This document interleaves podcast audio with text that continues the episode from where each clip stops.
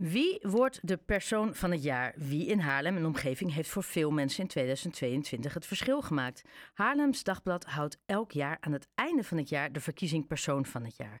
De tien kanshebbers zijn inmiddels bekendgemaakt. Arthur de Meitenaren, journalist bij het HD, neemt ze alle tien in ongeveer zes minuten met ons door. Arthur, hi, goedemiddag. Uh, goedemiddag, hi. Hi. Ja, fijn. We hadden elkaar een paar weken eerder natuurlijk ook gesproken. Toen heb je het hele proces even toegelicht. Nou, inmiddels zijn jullie alweer uh, flink wat stappen verder. En zijn de, de tien genomineerden uit uh, ja. de verschillende nou ja, inzendingen uitgekozen. Hoeveel inzendingen waren er dit jaar? Um, ja, we hebben beginnen als redactie altijd te kijken van wie zijn opgevallen. En dan hebben we een lijst van ongeveer 25 mensen. En er komt een deel van uh, komt door lezers, die uh, dragen mensen aan. En een deel van uh, hebben we zelf bedacht, we zitten natuurlijk bovenop het nieuws. Ja. En ja, dan hebben we een hele interessante en soms ver, verhitte discussie van wie wordt het? En uiteindelijk komen er dan tien namen uit tevoorschijn. Hoe vaak heb jij met je vuist op tafel geslagen? Ja, dat viel wel mee hoor. Maar ik weet wel van, uh, van de eerdere, uh, we doen het al negen jaar, de persoonlijke jaarverkiezing. Eerder was het een keertje zo van uh, iemand het niet eens was met een kandidaat, want die had dan niet goed gedaan in zijn ogen. En die verliet dan de vergaderzaal. Zover is het. er niet eens. Nee, dat, nou ja, dat, dat, als je dan de zaal verlaat, dan zal dat inderdaad de reden zijn. Zover is het niet gekomen. Nee. Ik herkende, wat, wat mij opviel was dat er, uh, het is een hele diverse groep van de ja, genomineerden. Uh, waarbij ja. ik inderdaad een aantal herkende uit het nieuws, uh, waar zowel Haarlems Dagblad uh, aandacht aan heeft besteed als uh, ook, ook wij zelf. Dat is altijd ook leuk voor nou ja, zowel de journalist als voor de lezer. Um, mm. Voordat we daarop ingaan, de tien genomineerden. Heb, jij, okay, heb jij aan drie minuten genoeg? Snel doornemen. we hebben Joosje Kampfens. die doet haar best voor de verkeersveiligheid in Haarlem. Uh, door ze, doordat ze actie voert uh, met, uh, ja, met spandoeken en door het verkeer op te houden. Ik ga snel verder. Anna Ivanchenko, een hele mooie kandidaat. Ze komt uit Oekraïne en doet ontzettend veel voor de, ja, de mensen die getroffen zijn door de oorlog. Die doet ze zowel hier als dat ze spullen stuurt naar dat oorlogsland. Ik ga verder. Pieter Joon. Dat is een meneer die, uh, die zit nu in een rolstoel en heeft zich zijn leven lang uh, ingezet voor de gehandicaptensport. Grappig verhaal zit aan vast. Dit jaar is hij geëerd in het plaatsje Holyoke in Amerika, want er is een volleybalmuseum. En er is een vitrinekast die is aan hem opgedragen en hij hangt ook in een, uh, ja, een wall of fame. En terwijl we in Haarlem eigenlijk, ja, hij heeft zelden de krant gehaald hier, maar op deze manier kunnen we toch een keertje in het zonnetje zetten. Ik ga verder. Vandaag hebben we een verhaal gehad met Pauline van Heuven. Die heeft een gezichtsbeperking, maar is altijd ontzettend uh, enthousiast en positief gebleven. Doordat ze er gewoon wat van maakt van leven. En zij probeert ook uh, dat Haarlem uh, toegankelijk blijft voor iedereen. Ook mensen met een gezichtsbeperking. Wil Ploegmakers is ook een uniek verhaal. Ja. Zij las een berichtje op Facebook en ze kwam erachter van... En, en daar stond in, ik zoek een nier en ik ben ziek. En ze kende die man totaal niet, maar heeft een nier aan hem afgestaan. Nou, vind ik heel erg uh, geweldig. Laura ten Brink is ook genomineerd. Zij, uh, ja, ze zit bij Extinction Rebellion. Niet als klimaatklever, maar wel als iemand die toch wel een beetje de randjes opzoekt van het actievoeren. Want ze is wel een paar keer gearresteerd geweest en uh, heeft ook voor de rechter gestaan. Maar dat heeft ze ervoor over. Ze is pianolerares, een hele beschaafde dame. Maar ze heeft het ervan over omdat ze gewoon heel erg nodig vindt dat er aandacht voor is. Osama Isaac, Um, ja, ik, misschien is dat wel een Engels sprekende kandidaat, dat weet ik niet helemaal zeker. Maar die komt oorspronkelijk uit Jemen en via uh, Maleisië is hij hier terecht gekomen.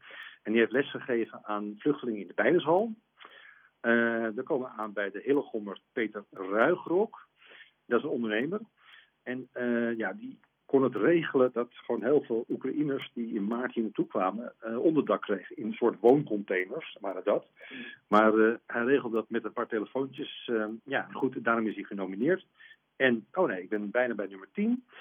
Nummer 9 is Elisabeth Bondo. zij zet mensen of meiden aan tot sporten via haar stichting Palanca Negra en komt uit het oorlogsland Angola. En als laatste ook een mooi verhaal, dat is van Ger Schönhagen uit Hoofddorp. Hij is de gedreven eigenaar van zorgmanege Stal, Stal Starro. En ehm, ieder mens heeft recht op geluk. En daarom doet hij ontzettend best voor deze mensen met een beperking.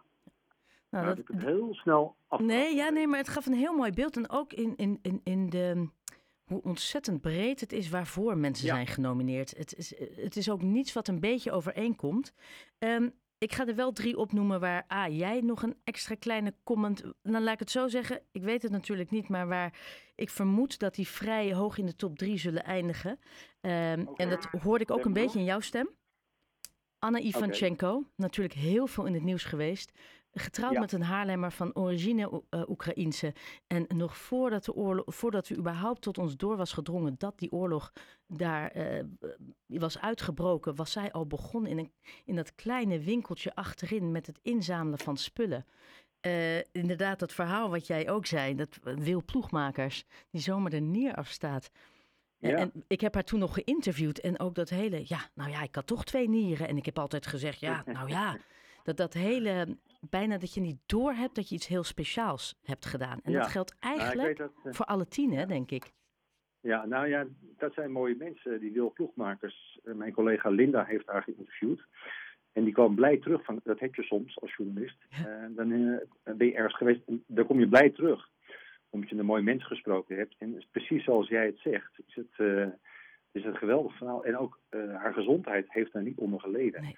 Maar dat heeft ook te maken met haar, denk ik dan, als uh, uh, zomaar iemand, van, uh, met haar positieve beeld gewoon en hoe optimistisch ze is. Dat is een fantastisch verhaal. Ja.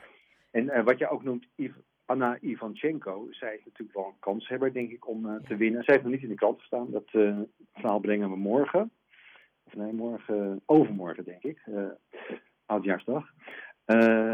ja, een hele bijzondere dame. Als je ja, de benedenverdieping van VND vroeger, uh, dat staat vol met hulpgoederen.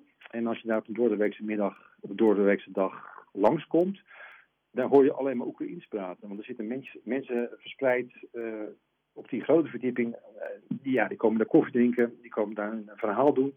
Maar dat komt Bali, waar mensen gewoon kunnen vragen: ja, hoe zit het met geld? Hoe zit het met huisvesting? Hoe zit het met werk? mensen moeten kunnen een weg zien te vinden in Nederland gedurende de tijd dat ze hier zijn. En hoe lang is dat nog? Dat weet je niet. Ja goed, en zij faciliteert dat. En ook tegelijkertijd uh, haalt ze allemaal hulpgoederen op en die gaan dan met, uh, volgens mij, uh, ja, bestelwagens richting Oekraïne, waar, dan de spullen worden overgeladen, bijvoorbeeld bij een auto van het Rode Kruis, dat het weer verder het oorlogsgebied ingaat. Echt wel een heel bijzonder verhaal. En ook misschien wel een beetje het verhaal van dit jaar, hè? Ja. Omdat de krant is natuurlijk om het nieuws te volgen. Nou, wij kijken ook met die verhalen terug op uh, ja, wat het afgelopen jaar gebeurd is. Nou, en dat, dat, dat, vraag ik, dat zie je ook eigenlijk altijd bij het woord van het jaar. Dat is altijd gerelateerd naar toch wel een groot nieuws, uh, nieuwsgebeurtenis. En dat, ja, en, ja, exact. En dat vermoed ik ook bij dit. Ik denk zomaar dat de kans dat Anna Ivanchenko uh, wint, nou ja, en nogmaals, als je genomineerd wordt en zo'n mooi artikel in de krant krijgt, nou daar hebben we het al eerder over gehad. Volgens mij heb je dan sowieso al heel veel bereikt. Maar ik zet mij, nou ja, ik vermoed dat zij. Uh, Jij gaat op haar stemmen bedoel je, maar je kan ook op een andere stem hoor. Nee, nee, maar ik bedoel meer dat omdat mensen de Oekraïne, dat heeft mensen zo geraakt. En de impact die het heeft gehad op Haarlem en ook het aantal vluchtelingen dat we hebben opgevangen en zo erg steunen, denk ik dat dat mensen extra stimuleert om dan op Anna, of inderdaad in dit geval Peter Ruigrok, heeft ook iets betekend daarmee, ja. uh, daarop te stemmen. Maar goed, je weet maar nooit. Wat ik wel heel mooi vond, die wilde ik ook nog even noemen, Laura ten Brink.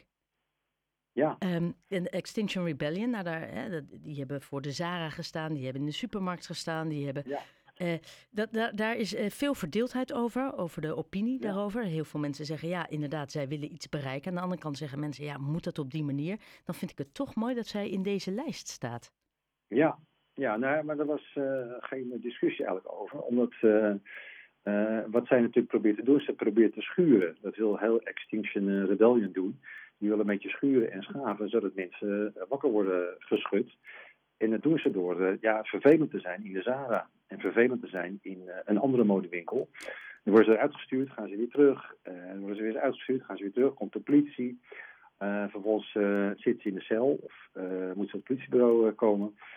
En uh, zij is helemaal niet iemand die vroeger op de middelbare school vooraan stond, denk ik dan, hè, want ik ken natuurlijk niet zo heel goed.